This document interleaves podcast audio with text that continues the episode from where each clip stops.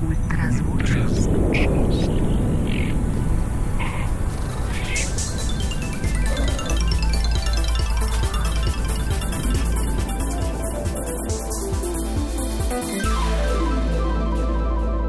Ultrazvok.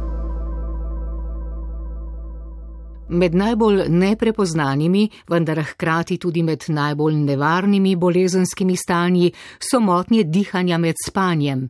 Za njimi zbolevajo moški kar štirikrat pogosteje od žensk. Prvo vprašanje. Koliko premorov med dihanjem naredi v spanju človek, ki ima najtežjo obliko moten dihanja v spanju? Odgovarja dr. Matej Delakorda, otorinolaringolog iz splošne bolnišnice celje. V bistvu te, ki so hudi, ne, oni nehajo dihati tudi do ne vem, 60krat, 70krat ne, v bistvu, uh, na uro, torej vsako minuto. Drugo vprašanje. Zakaj so premori med dihanjem, kadar spimo, nevarni? In odgovor? Te premori med dihanjem so lahko zelo kratki, se bolnik tako neha dihati in takoj začne spet nazaj. In v bistvu v tem času mu kisik niti ne pade. Pri določenih bolnikih pa vidimo, da v bistvu neha dihati in se začne rapidno slabšati eh, zasičenost krvi s kisikom. In te bolniki potem na koncu vidimo, da recimo eno uro ali pa dve uri preživijo eh, v spanju pod 90 odstotkov eh, saturacije eh, s kisikom. Torej, po 90 odstotkov to je bila zdaj v času korone že, da rečem, indikacija za sprejem v bolnišnico, ne, za, za zdravljenje s kisikom. Ne. Te bolniki, hudi bolniki z motnjami dihim spanjem pa vsako noč več ur lahko preživijo uh, s takšno saturacijo. Ne. Ultrazvok. Od smrčanja do apneje. To so motnje dihanja med spanjem. Apneja med spanjem je deset ali več sekund trajajoči premor med dihanjem. Do premora pride zaradi popolne zapore v žrelu ali grlu. Kar milijarda ljudi trpi za eno od moten dihanja med spanjem, ocenjuje dr. Matej Delakorda. Pojasnjuje, da je smrčanje najbolj blaga motnja dihanja med spanjem. Najbolj skrajna blaga oblika potem se stopnjuje. Ne? To je isti patofiziološki proces, ampak med smrčanjem mi v bistvu dihamo. Do smrčanja pride zaradi vibracij mehkih tkiv v ustnem žrelu, ponovadi je to mehko nebo. Potem, ko se pa težave z leti stopnjujejo in ponovadi se, takš, takšen je naravni potek te bolezni, da se stanje slabša, pride do izsmrčanja lahko recimo do blagih motenj dihem med spanjem in te se lahko potem stopnjujejo do zmernih, hudih in tako naprej. Tako da v bistvu smrčanje je bolj problem tistega spalnega partnerja, ki zraven takšnega človeka spi, da tako rečem, medtem ko apneje so pa problem tega bolnika samega. Ne. Tretje vprašanje. Kaj je vzrok za smrčanje in apnejo? Kaj je vzrok za motnje dihanja med spanjem? Do teh motenj pride zaradi tega, ker se tonus mišic, torej napetost mišic, ki držijo dihalno pot odprto, v spanju zniža in podtlak, ki je potreben za to, da dihamo, da vdihnemo, da napravimo vdih, potem na mestih, ki so premalo čvrsta, kolapsabilna, zapre dihalno pot. In to se pri bolnikih z obstruktivnimi motnjami dihanja med spanjem ponavlja čez celo noč, večkrat na minuto, lahko tudi zelo pogosto in bolniki se med tem, ko se to zgodi, pogosto prebujajo, teh prebujanj večinoma niti se ne zavedajo, ampak jim ta prebujanja zelo rušijo kvaliteto spanca, nikoli ne morejo priti v takšno globino spanca, kot bi drugače. Hkrati se pa telo bori pri teh znižanih vsebnosti krvi s kisikom, do katerih pride, ko nehamo dihati, se sproži cel kup obrambnih mehanizmov, ki v končni fazi na dolgi rok privedejo lahko do številnih bolezni, s katerimi so te motne dihanja med panem povezane. To so kronične bolezni, bole, bolezni z področja srca in ožilja, nevrološke bolezni, metabolne bolezni, sladkorna in tako naprej. Tudi kvaliteta teh življenja teh bolnikov je izjemno znižana, ker, ne, ker kot sem prej rekel, so čez dan pogosto utrujeni ne na spanje, ampak imajo veliko krat tudi težave s koncentracijo, eh, glavobole, na delovnem mestu so manj učinkoviti, eh, bistveno pogosteje so tudi eh, vključeni oziroma udeleženi v prometnih nezgodah.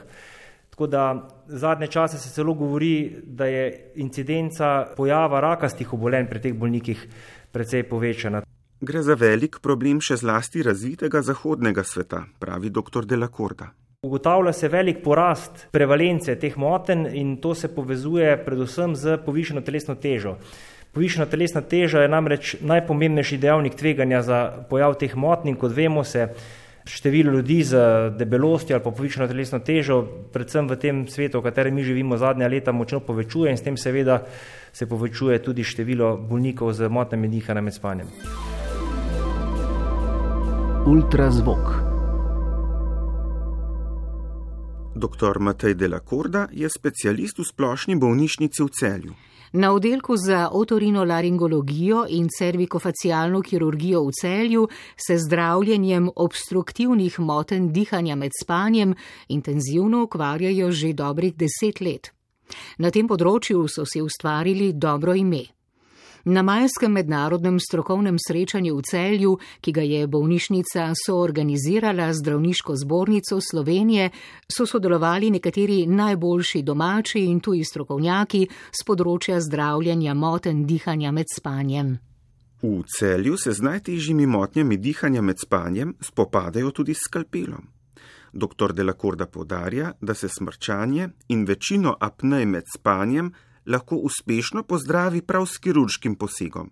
Z njim odstranijo vzrok za nastanek motnje. Kirurški posegi se večinoma izvajajo v splošni anesteziji, so recimo večina teh posegov, ki jih izvajamo, so boleči, to, to so pač posegi, ki jih delamo bodi si v nosu, žrelu, grlo, ne?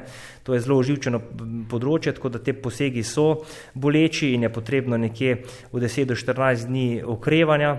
V tem času morajo bolniki počivati, uživati mehkejšo hrano, uh, spirati usta, uh, jesti zdravila za bolečine, antibiotike. Ampak potem je večinoma po teh posegih, uh, če smo uspešni, če vse gre tako, kot mora iti, je učinek trajen, učinek ostane.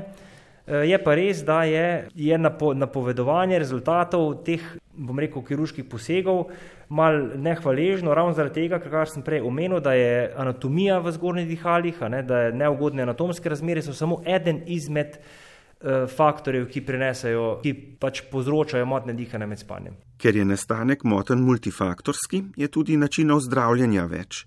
Pomemben pa je celosten pristop k pacijentu. Pri vsakem bolniku se priporočajo splošni ukrepi, to je tisto, kar, pri čemer mora bolnik, s čimer mora bolnik sam sodelovati pri zdravljenju. Torej, že prej smo omenili, redukcija telesne teže, zdrav način življenja, opustitev uh, škodljivih razvad življenjskih in tako naprej.